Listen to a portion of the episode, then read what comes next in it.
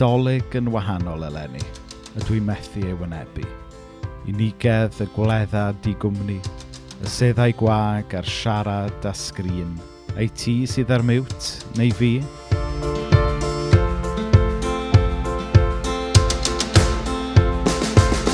mae tymor i bopeth, ac amser i bob gorchwyl dan y nef. Amser i enni, ac amser i farw.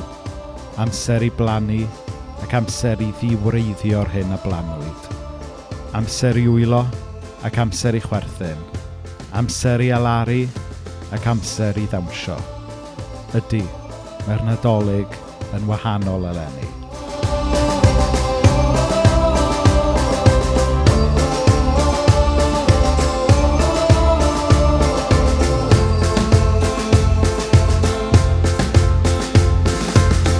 dad dalaf i chwi am y blynyddoedd a ddifaodd y locust. Fe fwytewch yn helaeth nes eich digoni a moliannu enw'r arglwydd eich dew a wnaeth ryfeddod a chwi. Cod llewyrcha oherwydd daith doleini. Llewyrchodd gogoniant yr arglwydd arnat, er bod tywychwch yn gorchuddio'r ddeiar a'r fagddi dros y bobloedd bydd yr arglwydd yn llewyrchu arna ti a gwelir ei ogoniant arnat. Fe sych bob deigryn o'i llygaid hwy, ac ni bydd marwolaeth mwyach, na galar, na llefain, na ffoen, y mae'r pethau cyntaf wedi mynd heibio. Ganwyd i chwi heddiw yn rhef dafydd waredwr, A gyda hynny, dyma Dyw yn dadfiwtio ei hun.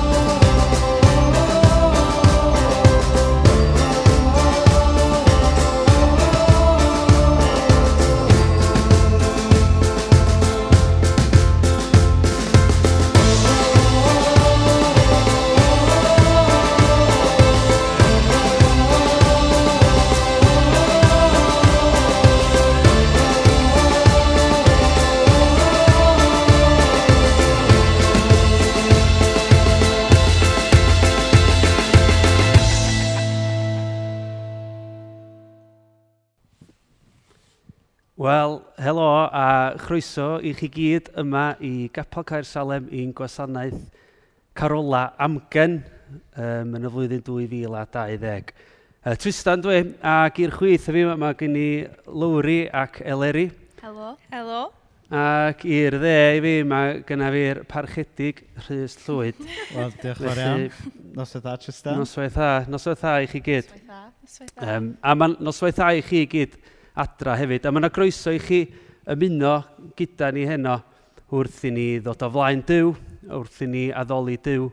Mae yna groeso i chi hefyd ymuno gyda ni wrth i ni geisio'r ysbryd glân yma, a mae yna groeso yma heno i chi wrth i ni ddiolch am ddyfodiad Iesu Grist i'r byd. Gwasanaeth Carola amgen di'r teitl, a mae'n mynd i fod yn nadolig amgen eleni yn dydy, um, enwedig yn dilyn cohyddiad gan y Llywodraeth neithiwr. Ond gai jyst rhannu um, gair o gyngor ges i pan nes i ddod fewn trwy drws yma am y tro cyntaf ta chwe mlynedd yn ôl adag yn adolyg. O'n i siarad efo'r uh, parchedig Dennis Young amdan be sy'n digwydd o amgylch dolyg a beidio oedd Gna'n siŵr bod chdi roi Iesu Grist yn y canol yn, yn ystod nadolig a fydd bob dim arall yn ffitio fewn o amgylch yna. Felly gai annog chi heno Um, os da chi'n dod ata ni, um, illa'n unig, bod chi'n gweld colli rhywun illa am y tro cyntaf, dolyg yma. Os da chi'n dod ata ni, a bod chi'n teimlo'n siomedig bod cynlluniad i fynd ar chwal, neu os da chi'n dod ata ni, a da chi fel ni yn ddisgwyliedig am yr amser yma, wel, dewch yn ei gynnu'n siŵr. Mae be bynnag da'n neud heno, mae Iesu Grist sy'n mynd yn y canol. Felly, yn gyntaf, na i droi at y gynod yma i'r chwyth, ond na fe, Lwria Caleri, a sa chi'n sôn wrth pob adra Be di'ch rôl chi mae hynno? So, ni sy'n in charge o cadw goleg a golwg ar y comments ar comments. Facebook a YouTube. So, os ydych chi efo beth i rannu, please gnewch. Mm. Dwi ddim yn dall Facebook, ond dwi am wneud gorau mi i cadw siac ond efo. Um, hefyd, os ydych chi'n gallu rannu y post mm. yma sy'n an briliant, a fydd enw pawb sydd yn neud gael ei roi mewn het, a fydd yr enillydd yn ennill. Yn ennill. One of these. Babel.net. I bobl ifanc, ond cofiwch os ydych chi'n ifanc, eich ysbryd, it's for you as well. Um, yeah, da ni eisiau gwybod um, be di'r hoff rhan chi o'r stori nadolig, gadwch ni wybod be di hoff garol chi, a gadwch ni wybod pa gymeriad o'r stori nadolig da chi'n gallu nieithio efo a pam. Mae gennym ni chydig bach o stori, stori hwyl, ti eisiau rhannu? Nathon ni gael chat efo mam mm. gyna, gofyn y cwestiwn yma. mam, pa cymeriad dolyg ti'n meddwl da ni? Yeah. A hefo lawr ni i fynd on am um, o, oh, sa'ch chi'n angen Gabriel yn rhannu newyddion da, llawenydd, a dyn gofio ddo. A be nes i ddeud? Sa chdi'n ddafad. Dafad? mm. Achos mae'n licio cael ei gwachod ar ôl gan, gan y yeah. bugeiliaid. Um, so hynna bach yn hwyl, ond gadwch ni wybod um, be da chi'n meddwl da chi, um, pwy da chi'n enieithu efo. Um, a nhw'n mynd ato chdi, Rhys? Ie, yeah, gret. So, um, Na, mae'n gres cael bod yma efo chi heno. Um, gobeithio newch chi fwynhau y gwasanaeth heno. Ond dwi jyst eisiau uh, annog chi sy'n gwylio adre, um, pan da ni'n mynd mewn i'r carolau mewn munud, dwi eisiau chi addoli. Dwi eisiau chi ganu allan, dwi eisiau eich cymdogion chi wyndro beth sy'n mynd ymlaen drws nesaf. Um, ac dwi eisiau chi wneud mwy na jyst eistedd nôl a watcho. Dwi eisiau chi fod yn rhan o'r addoli sydd yma heno. Felly, cyn i ni fy mewn i'r um, i'r ddwy garol gyntaf, na i jyst um, cael gair byr o weddi. Gewn ni weddio. O ddiw dad, da ni yn diolch i ti am y noson heno. Yng nghanol um, byd cymleth, byd prysur, byd toredig, da ni jyst yn gofyn ti roi moment i ni heno i uh, hwylio'n sylw arno ti a, a helpa ni wrth i ni ganu'r carola heno, uh, dal rhywfaint um, o dy gariad di a'r cariad sydd wedi dod i'r byd mm. yn y Nadolig yn Iesu Grist. Amen. Amen. Amen.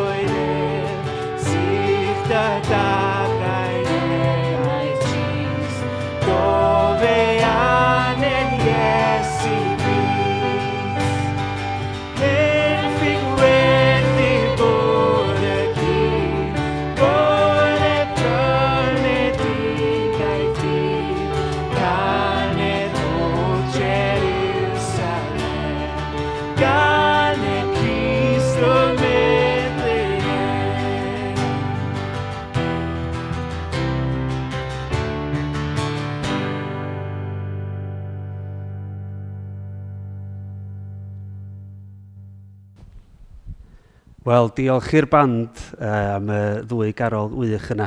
Tydy'r anhygol mae'r carola yma wedi bod yn cael ei canu am ryw 300 mlynedd a maen nhw wedi cael ei canu eto lenni am flwyddyn arall. Reis, dwi'n wedi droi at y Beibl yn a um, dwi'n wedi droi at y fengil Matthew ac adnod 18. A dwi'n mond yn mynd i ddarllen tamad bach iawn o hwn. Adnod 18. Dyma ddigwyddodd pan gafodd Iesu y Mesoea ei eni. Dyma ddigwyddodd pan gafodd Iesu y Mesoea ei eni. A be nath daro fi wrth i fi sbio ar hanes y geni, hanes da ni mor gyrfarwydd efo, o fod yn ysgol, yn dysgu o bron bob blwyddyn yn ysgol. Faint cyn lleiad sydd yma, lle mae'n sôn am hanes um, y geni. Mae yna bedwar efengil yn yr testament newydd, a mond yn dau ohonyn nhw mae'r um, mae stori'r geni. A swn i'n annog chi, os oes gynnach chi chwarter awr sbar, sbiwch yn dechrau Matthew a penod 2 yn lyc, lle mae o'n sôn am stori'r geni, achos mae'n siŵr sa'ch chi'n gallu ffitio fe gyd ar ddwy dudalen fach fel hyn o'r Bibl i gyd. Felly, tamad bach o adnod sgyn i, ond um, please ewch atyn nhw i sbio um, am fwy y dolyg yma. Reit, o'n i draw at y genod i ni gael gofyn y cwestiwn mawr. Oes na rywun wedi bod yn cyfrannu un gwasanaeth? Genon ni llwyth o llwyth. Ia, dwi'n methu darllen nhw gyd. da ni fo lot o bobl, llefydd gwannol. Da ni fo rhywun o Virginia yma, sy'n bell iawn. Croeso. Croeso i chi fanna. Um, da ni wedi cael lot o bobl yn comentio beth yw eich hoff um, can neu mm. garol. Mae Cynnan yn licio Emmanuel. Solid choice, dwi'n meddwl. Ia, lot dweud o dead bob Christian. Bob Christian, ia. Yeah. Um, yeah. Fy'n ni gael lot o bobl yn sôn am pa gymeriad. Gynna ni herod, um, gynna ni bugeiliaid, mae gynna ni angylion, mae Lydia di deud angel, a dwi'n meddwl bod David di deud bod o eisiau bod y tri gwrdoeth a Joseph. A Joseph. Oh, so, no, pam ddim? Yeah, solid. Um, yeah. yeah, mae Cadog eisiau bod yn herod, achos bod efo clefyd. Mm. So, dwi'n meddwl bod hynna'n briliant. Yeah. Ia, na, rili really da. A mae mam di wneud sylwad yn deud, be mae di ddeud o'ch? Um, nath i ddeud bod Leri gallu bod yn dda fel un o'r doethion hefyd, achos bod i'n mynd ar goll, dwi'n meddwl. um, ond dwi'n meddwl bod, bod pawb yn y tî'n gwybod par un drin doeth rhwng ni. Um, gwch chi gesio par un drin doeth. Um, ond ie, mae lot o bobl, um, daliwch ati i rannu pobl. Um, Dyn ni'n gweld bod lot ohonych chi wedi yn barod. Um, ia, croeso i chi gyd, gyda ni fwy o bobl yn dod i fewn um, yeah, Oes. just atgoffa chi gyd i addoli heno efo ni. Um, braf iawn bod chi'n gallu bod adra yn canu'r yr ymyna yma. Um, Nw'n mynd at eich di, Tristan? Wel, ie, yeah, gai just ategu be oedd y gynod yn ddeud yma efo cymryd rhan, achos mae un sefyllfa amgen, fel da ni galw, yn noson, um, a mae jyst yn gret clywed yr enw yma yn um, cyfrannu'r noson. Reit, nhw'n ni droi at uh, garol nesaf rwan, a'r garol nesaf ydy wele cawsom y Meseia. Felly draw at y band ar gyfer honno.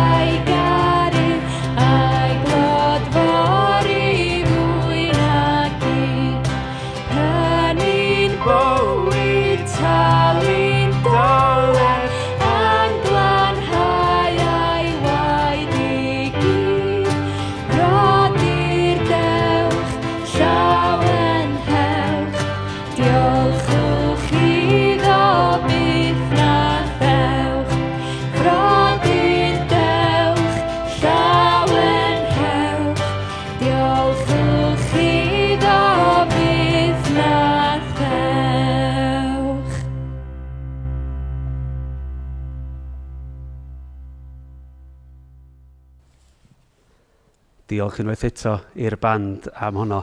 Reit, genod, um, swn i roi 30 giliad i chi wan, de, pwy sydd yn cyfrannu? Dwch enwau ni, pwy sydd yna? Da ni fo Michelle Downey, Sylwen Roberts, Ken Edwards, Maggie Hughes, Nora Jones, Sian Davis, Trey McCain, Andrew Brown, Sean Meredith, Elin Lloyd, Eleanor Gray Williams, Judith Glaster, Julie Evans, Michelle Downey, Liz Jones, Mary Williams, Manon Owen, Rotary Jones. Mynd ymlaen o'n. Ardderchog. Dych chod be, mae jyst yn braf clywed eich enwa chi. Reit, Gerard, um, swn i troi at y chi wan i, i ddeitha ni um, a'n stori'r geni. Os yna rhyw ran o hwnnw sy'n sefyll allan i chi? Ia, yeah, um, fi sy'n mynd i fod yn rhannu. Um, o'n i'n darllen hwn am y am y tro gyntaf flwyddyn yma, actually. Um, a dwi'n meddwl bod blwyddyn mae'n rhywbeth gwahanol yn sefyll allan, ond dwi'n mynd i fod yn rhannu allan o Mathew 2, um, 10 i 11. Roedden nhw wrth ei bodd, pan methwn nhw i fewn i'r tŷ, dyna lle roedd y plentyn gyda'i fam Mair, a dyma nhw'n disgyn ar ei gliniau o'i flaen a'i addoli. Um, a dwi'n meddwl flwyddyn yma, dwi'n meddwl bod ni gyd i gweld mae addoli wedi bod yn edrych mor wahanol i ni adra. Mae wedi bod yn eistedd ar y soffa yn bita bwlen o Cheerios, yn canu. Um, weithiau mae wedi bod jyst yn mynd am dro, cl clirio pen i fynd am dro unwaith y dydd. Um, mae wedi bod yn bod, canu yn y car neu jyst yn myfyrio ar, ar y beibl. Ond dwi'n meddwl fatha nath o wneud fi feddwl am y ffordd oedd yr um, y doethion yn addoli sut oedd hynna'n edrych, sut pam ddyn nhw'n mynd i fewn, sut oedd hynna'n edrych iddyn nhw, wrth nhw weld y babi bach yma. Dwi'n siŵr bod o'n rhywbeth really odd um, iddyn nhw just mynd ar ei glunio flaen y babi bach. Um, ond nath o just wneud i fi feddwl um, pa mor bwysig ydi o, bod ni'n gallu just yeah, bod, ni bod y, y ffaith bod ni actually yn cael addoli yn rhywbeth anhygoel. A mae'n rhywbeth pwysig bod ni yn cofio flwyddyn yma, cofio'n adolyg yma, bod ni'n cael addoli um, a clodfori y dyw yma nath, nath ddod â babi i fewn i'r byd. Um, a bod ni jyst yn cael, dwi diolch iddo fo, um, dolyg yma. So, swn ni jyst yn annog chi gario ymlaen i addoli efo ni hen yma yn pa ffordd ar eich gliniau neu yn dawnsio. Um, dwi'n meddwl nath hynna sefyll allan i fi. Diolch reit o'n i draw at uh, Parchedu Chris Lwyd i gael sôn rhywfaint mwy am yn casgliad ni heno. Ie, yeah, so, um, so da ni'n neud um, casgliad uh, bob nadolig um, tuag at Ysgol Pendalar. Um, ysgol Pendalar yn ysgol lleol i ni yma, um, ysgol sy'n sy, um, drychyd ar ôl yr rhoi addysg a cyfleoedd ffantastig i, i blant a anghenion arbennig. Um, a jyst ers blynyddoedd mawr, da ni'n neud casgliad nadolig um, sy'n mynd tuag at yr ysgol. Um, felly mae'r manylion ar y sgrin rwan, um, sy'n teimlo bach fel live aid rwan, tywed. Uh, so um, mae'r manylion ar y sgrin, um, allwch chi roi um, drwy danfon neges destun, um, i'r rhifau sy'n dod lan ar y sgrin, a wedyn bydd o'n cymryd y pres off, um, off eich ffôn chi. Gallwch chi roed fel yna, neu os ydych chi'n mynd i um, cersalem.com forward slash roi, Um, a mae fel, um, dwi'n meddwl bod fel linkgive.net yna. A wedyn allwch chi just roi di cersalem fyddwch chi, ond byddwn ni'n gallu gweld uh, ar y statement bod chi wedi rhoi heddiw, a, a wedyn bydd hwnna'n mynd hefyd i pendalar. So, um, chybod, mewn Mae'n amser y flwyddyn lle da ni um, yn gwario gwario tipyn arno ni'n hunain a'n, an teuluoedd yn hunain. Uh, Mae'n jyst yn, jyst yn bwysig i ni gofio um, bod, bod ni'n rhoi hefyd um, i, i achosion eraill. A, a fel Cresnogion, um, da ni'n credu yn Iesu, ond da ni'n credu bod angen dangos bod ni'n bobl Iesu hefyd yn dydan. Mm. A, a, a mae jyst... Um, mae'n ffordd ymarferol iawn o ddangos cariad Iesu i bobl. So, Os da chi'n medru rhoi i casgliad pendal ar heno, so hwnna'n ffantastig. Um, so dwi'n meddwl bod fi'n cyflwyno'r garol nesaf. So'r garol nesaf, ffrindiau, ydy um, Siar Gwynt, um, sy'r carol gan uh, Nantlais. Nawr, claim to fame y uh, teulu ni yw mae Nantlais oedd gweinidog mam gi pan oedd mam gi'n tyfu fyny. Ac oedd mam gi yn y dosbarth ysgol Sil nath nantlai sgwennu'r garol yma iddyn nhw. So, tybo, dwi'n gallu dychmygu bod jyst mam gi yn hogan fach, jyst yn fatha hangi allan efo ffrindiau hi yn ysgol sil yn, yn Rhydaman. A wedyn, nantlais troi fyny, o, oh, hei, hei, plant bach, dwi wedi sgwennu hwn i chi ganu heno. um, a pwy feddylia bod hwn nawr yn, yn garol mor hyfryd ag, ag yn un o'n clasuron ni. Felly, ymunwch gyda ni eto i ganu si ar gwynt. Thank you.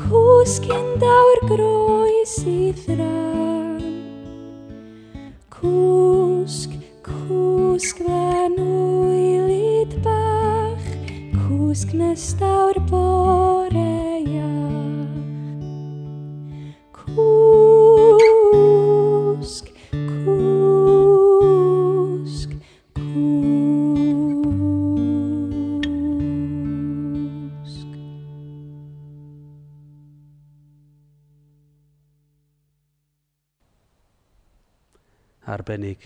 Reit, cyn i fi fynd at Rhys i ofyn chydig o gwestiynau, swn i'n licio clywed, mae yna rhyw sylwadau bach wedi bod yn fynd. O, mae yna sylwadau hollol wych yn mynd ymlaen ar Facebook, rhaid ddeud. Mae fi Eleni chwerthin yn y gornol o fama.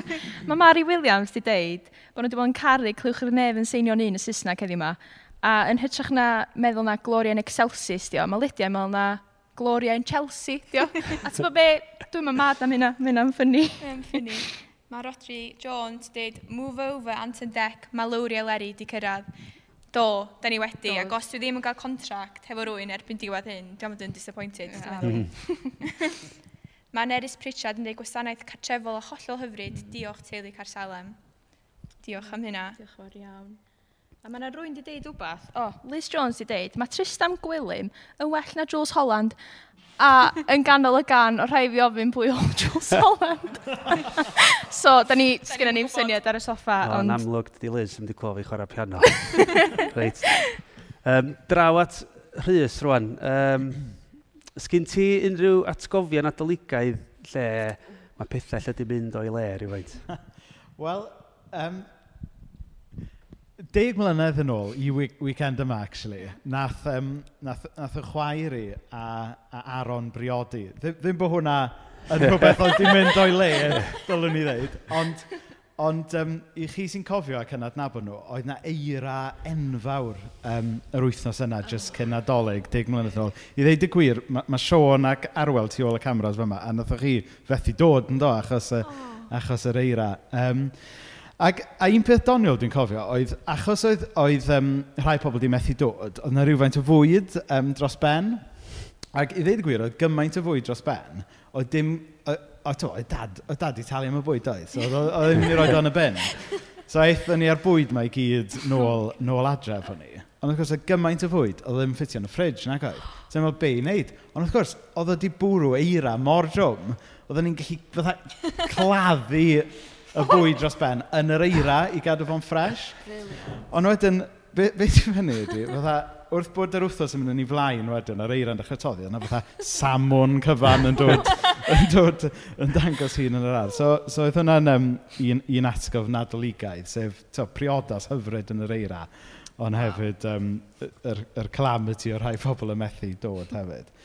A wedyn, um, Dwi'n cofio fatha partis ysgol Sil um, pan o'n i'n tyfu fyny hefyd. Ac um, dwi'n cofio, oedd, oedd oedd gennym ni cerddorfa uh, yn yr ysgol Sil uh, bob nadolig. A Rhiannon Ifans oedd yn arwen y, y gyddorfa dri yna hi, achos oedd ni'n awful, ti'n gwybod.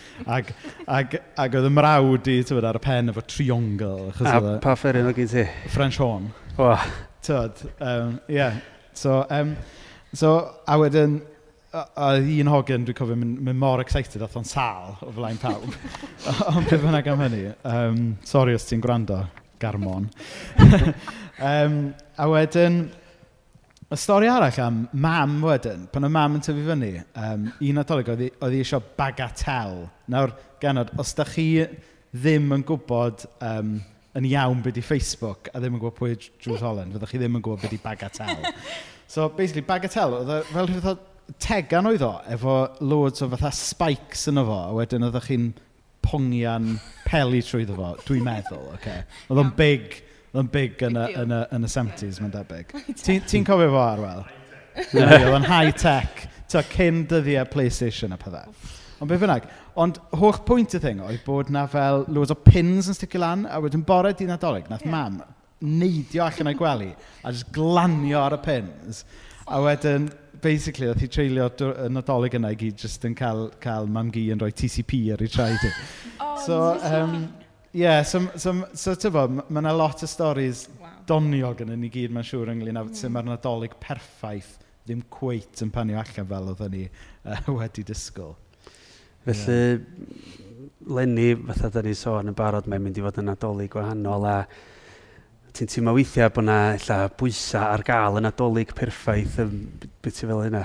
Ie, yeah, ti'n mae yna rhyw syniad oes bod pawb eisiau nadolig perffaith, ti'n pawb goffa cael popeth yn ei le, mhm. pawb goffa cael y twrci a'r trimmings, a pobl yn mynd dros mewn llestri bach yn cael sort of, gormod o anrhegion, really, i, i, i bobl. A, ac, wrth gwrs, Lenny, mae'r nadolig perffaith wedi cael ei properly um, sbwylio, do, bod, um, hynny, mae'n ma, ma holl delfrydau pobl wedi cael eu chwalu gan y cyhoeddiad neithiwr. Um, ond be o'n i eisiau rhannu efo chi a, ag efo chi adre hefyd, oedd mewn gwirionedd mae hwn yn tynnu ni nôl i be mae'r nadolig go iawn amdano fo. Achos doedd y nadolig cyntaf pan nath Iesu ddod mewn i byd, doedd o ddim yn picture perfect. Doedd na ddim twrci, doedd na ddim anrhegion. Um, doedd na ddim tybo, Home Alone ar, ar teledu. Oedd o'n gritty ac oedd o'n ro iawn. A o'n i jyst yn meddwl am chydig o bethau. Fel, oedd Joseph y Mair ddim wedi priodi. So, mm. so mae hwnna'n mm. eitha scandalous, os da chi'n meddwl am y peth. Hynny yw, oedd Iesu Grist, Dyw yn dod mewn i'r byd, wedi cael ei eni i be bydde, bydde rhai pobl yn galw heddiw yn single mother. Yeah. So, dyw hwnna ddim yn adolyg taclus, na di, mm. ti'n Um, gath ei enni mewn stabal, tybod? Um, wedyn, yn fuan ar ôl hynny, o rhaid efo ffoi um, fel ffoaduriaid. Ydy ni, ta, ni wedi gweld ffoaduriaid um, yn rhai gwledydd yn y byd dros y flwyddyn diwetha. Um, a dwi'n meddwl, yng nghanol blerwch y uh, nadolig cyntaf yma, oedd Dyw yn trio deud rhywbeth pwysig a profound wrthyn ni. Mm. Sef bod y dew mawr, y dew llawn cariad, eisiau dod mewn i ganol yn bywydau real, weithiau bywydau bler ni. So mae hwnna jyst, jyst yn un peth oedd yn really sefyg allan i fi yn nadolig yma. A wedyn, nadolig um, Lenny, fyna lot o bobl adra yn ei bybl nhw yn trio lot amser i hunan. A swn i'n tybio fyna lot yn gweld i'n reit anodd um, efo hynna. Um, sydd pa nogaeth sa'ch ti roi i, i bobl lle sy'n just, just y gweld yn adolyg yma yn anodd? Ie, yeah, tybod, mae ma rhywun yn gallu, gallu deall yr unigrwydd a'r siom. Tybod, da, da ni'n teulu ni, um, gatho ni'n siom i neithio, roedd ni wedi gobeithio uh, mynd ffwrdd wrthos yma i fod efo, efo teulu mena. Um, a, a, a, a mae naturiol da ni, da ni wedi'n siomi fel lot o bobl eraill. Ond mae'r holl busnes bybl yma yn ddelwedd hyfryd iawn i, i siarad ynglyn â, â cariad Dyw tuag ato ni. Achos mm. mae yna lot o fatha peth wedi bod dros y flwyddyn diwetha, ww, pwy sydd yn fy mybl i. A, a, a, a dwi'n gwybod bod yna rhai, rhai teuluoedd di, tybod, di ffrio ynglyn â'r peth. Ww, be ti isio fi'n mm. bybl fi o neu fo, a tybod. A mae fydda rhieni wedi goffod dewis, ti'n gwybod, fydda pa blant sydd yn ei bybl. Ond mae'n wahanol efo Dyw. mae hwn yn sydd o bach yn cheesy nawr, dwi'n gwybod. Ond mae'r efengil grisnogol, y newyddion da ynglyn â Iesu, yw bod Iesu'n gwahodd pawb sydd isio a pawb allan o ffydd i ddod mewn i bybl i gariad e. Um, a, mae, e, a does dim rhaid i ni sort of, sortio'n bywydau allan cyn cam i mewn i bybl Iesu. Does dim rhaid i ni um, fod yn berffaith cyn camu mewn i bybl Iesu. Mae Iesu jyst yn gwahodd ni mewn i'w fybl e, achos bod e'n caru pobl fel ni. Sy'n aml yn methu, sy'n aml yn be mae'r Beibl yn galw yn pechaduriaid, ond mae e'n maddau, mae e'n caru, a mae yna groeso i bawb mewn i bybl Iesu, y doleg yma. Diolch, a, a jyst i ategu hefyd, um, mae Iesu di'r hys mae wedi bod trwy'r poen, mm da ni'n teimlo, a dyna di holl bwrpas gweinidogaeth Iesu, mae o, mm. mae o di mynd trwy hyn i gyd er mwyn ni, lle. Mm. Yeah. Gwych, diolch. Um, reit, ni di gyflwyno uh, garol nesaf, plis. Ie, yeah, so mae'r mae garol nesaf yn, um, yn bach yn special. Da ni wedi rhannu hi uh, ar Facebook a YouTube yn ystod yr uh, wythnos, a i ddweud y gwir, mae di mynd yn viral. Mae hwn fel biggest hit mae mm. Cersalem di cael yn ystod lockdown. Sorry, Cadi Gwen, ond mae ratings di wedi cael ei fatha dyblu gan y gan yma gan Gareth. So mae Gareth, ffrind i ni o Gerfyrddin, uh, e, wedi recordio hwn efo ni uh, o ddwyfol nos. Dewch chi addoli efo'n gilydd.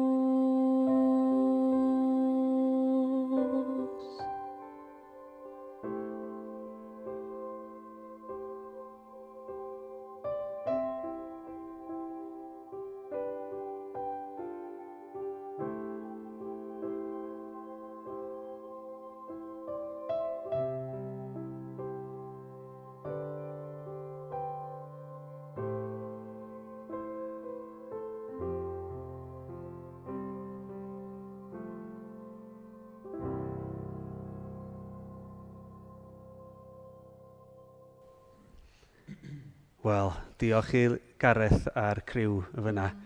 Dwi'n meddwl, da ni'n gyd di ffidio'n can karaoke newydd ni yn fyna. Reit draw i glywed am fwy o sylwadau, please, gynod. Da yeah. ni'n brysur iawn ar y chat, rhaid ni ddweud. Da ni jyst eisiau di croeso i Ken o Norway. Kent. Kent. Kent. Kent. Os o ddim Ken. Os o ddim Ken. Cant. Cant o Norwy.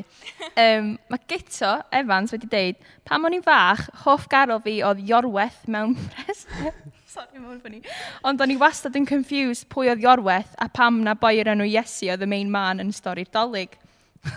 a wedyn mae arwel, arwel chi sydd wedi dweud nabod i orweth yn dda, hogyn iawn. yn briliant. Um, mae Eleri Joyce wedi dweud, deg mlynedd i benwythnos yma cafodd Eilian a fi anrheg arbennig iawn cael clywed am ferch fach ni. Cofio'r eira mawr yna yn iawn rhys, mae'n cofio'r eira a bod wedi cael Sian. Mae Lwena Lyff yn dweud na y hoff garol hi ydy o ddwyfo nos a mae'n cario gymaint o obaith i flwyddyn o ddryswch. Mm. Yeah. Um, ac mae Larry Joyce yn cytuno a dweud bod hwnna'n stunning. A mae Winfred Davis wedi dweud, wedi anghofio gymaint oeddwn ni'n mwynhau chwarae bagatel. We were simple, we were simple people. a wedyn mae Arwel wedi dweud ar rhan Caer Salem, mae'n siŵr o fod i fewn cwbwrdd yn rhywle. diolch yn fawr iawn, diolch yn fawr iawn. Nôl i chi. Reit, wel, Eleri, Lwri a'r Rhys, dyma ni, da ni'n nesau at y diwedd a um, dwch i ni gysbiod yn ôl ar y flwyddyn sydd wedi bod a mm. swn i'n cychwyn illa efo chdi Rhys um, unrhyw uchaf bwyntiau sy'n sefyll allan. Ie, yeah, so tywa, mae wedi bod yn flwyddyn wahanol um, ac anodd ar, ar lot o lefelau. Um, ond dwi rili really wedi cael yn calanogi ffordd um, Ffordd mae Dyw jyst wedi galluogi ni fel, fel eglwys i feddwl yn fwy creadigol ynglyn â sut da ni'n addoli a sut da ni'n cysylltu efo'n gilydd. So, to, mae neud, neud y pethau ar-lein yma, um, to, mae'n ma dipyn o waith, ond um, to, mae, ma wedi cysylltu a mae wedi bendithio pobl mm. mewn ffordd sa, sa ni byth wedi medru o'n i bai bod sefyllfa yma wedi dod arna ni. Yeah. Um, hefyd, bod, yn, yn y capel, um, da ni wedi sefydlu um, grwpiau cymuned. Um, so, tybod, mae ma, ma pobl yn gwneud mwy na, na just addoliad i mm. sil, ond maen nhw'n cysylltu efo'i gilydd yn ystod yr wythnos i annog a gweddio dros ei gilydd. So, so mae hwnna, hwnna wedi annog fi'n ystod y flwyddyn. Yeah. Diolch. A genod rhyw uchaf bwynt gynnach chi yn sefyll allan Ga'i just dweud yn sydyn, mae Kim Glyn di dweud, edrych yn ôl ar y flwyddyn, dim diolch. Sino, Kim. Um, ia, dim meddwl, mae flwyddyn yma di bod yn un o gynta, bob dim di bod yn gynta. Mae sam rili really hawdd mewn mynd mewn ffordd negyddol, ond dim meddwl da ni gyd i datblygu efo hynna. Mm. Um, a dwi wedi cael lot o gyntafs exciting iawn blwyddyn yma hefo gwerstreifio, mm. so dwi'n ddiolchgar bod bywyd wedi gallu cario ymlaen. Mm er bod o ddim yr un peth ag arfer. Mm. Ie, yeah, dwi'n meddwl dwi'n rili really diolchgar i gael gwario amser efo teulu. Dwi wedi cael mwy o quality time na gan i'n disgwyl. Um, ond, yeah, bach gormod. Bach gormod o quality time. Da ni'n rili really agos ar y soffa yma. Um, ond, ie, yeah, ar ôl bod i ffwr, um, dwi wedi cael gymaint o fendith. Jyst cael bod adra, um, cael lot o chats efo mam tra mae'n gweithio. Um, obviously, just cael bod yn intern yn y capel, di bod yn amazing efo clwb a clwb plus a um, y gwasanaethau bob dim, so ie. Yeah. Gwych, diolch. Um, felly, dych be, da ni'n dod at ddiwedd ein gwasanaeth corolau amgen. A um, dwi jyst eisiau gorffan efo dyfyniad bach dwi wedi ffeindio um, gan y fam Teresa, grandwch ar hwn. It is Christmas every time you let God love others through you. Yes, it is Christmas every time you smile at your brother and offer him your hand. Felly, gai annog chi i fynd ar ysbryd yna gyda chi wrth i chi ddathlu'r wyl. Um, ffrindiau Theulu Caer Salem, diolch yn fawr iawn i chi am diwnio fewn i ni heno ac am gyfrannu. Um, mae wir wedi wneud um, er profiad gymaint gwell. Um, ac os da chi'n ffeindio'ch hunan yn byw yn yr ardal, ella da chi ddim yn rhan o'n teulu na'n ffrindiau ni, um, be am chi gysylltu, os oes gynnau chi rhyw gwestiynau holi, gysylltwch ni. Um, a sa'n ni'n hoffi trio atab y cwestiynau, ac os da chi'n ffeindio'ch hunan yn lla byw yr bell o'r cersal am, wel, be am i chi, be am i chi gysylltu efo capon neu eglwys leol. Felly, dyna ni am y gwasanaeth amgen, mae'r amser yma wedi hedfan. a mae, mae wedi bod yn gymaint o fendydd gallu dod yma i ddarparu y gwasanaeth yma i chi. Felly, um, y garol nesa ydy o deuwch ac addolwn, ond cyn i ni chwarae'r garol nesa, sy'n so jyst y licio deud, nadolig llawen a blwyddyn newydd a i chi gyd.